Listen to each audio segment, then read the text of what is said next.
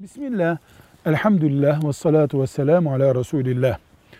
Camilerde, cuma namazlarında, bayram namazlarında, normal namazlarda imamların veya caminin diğer görevlilerinin, dernek yetkililerinin camiye ve ya da bir fakire, bir kuruma yardım toplamakla ilgili anons yapmalarında dinen bir sakınca var mıdır diye sormuş kardeşimiz. E, alimlerimiz yani camiyi mümkün olduğu kadar paradan, dünyevi şeylerden arındırmak gerekir. İbadetlerde bu tip e, gündem oluşturmamak gerekir demişlerdir. Ama camide edebine, konuşulacak kelimelere ve abartmamaya dikkat etmek şartıyla anons yapılabilir.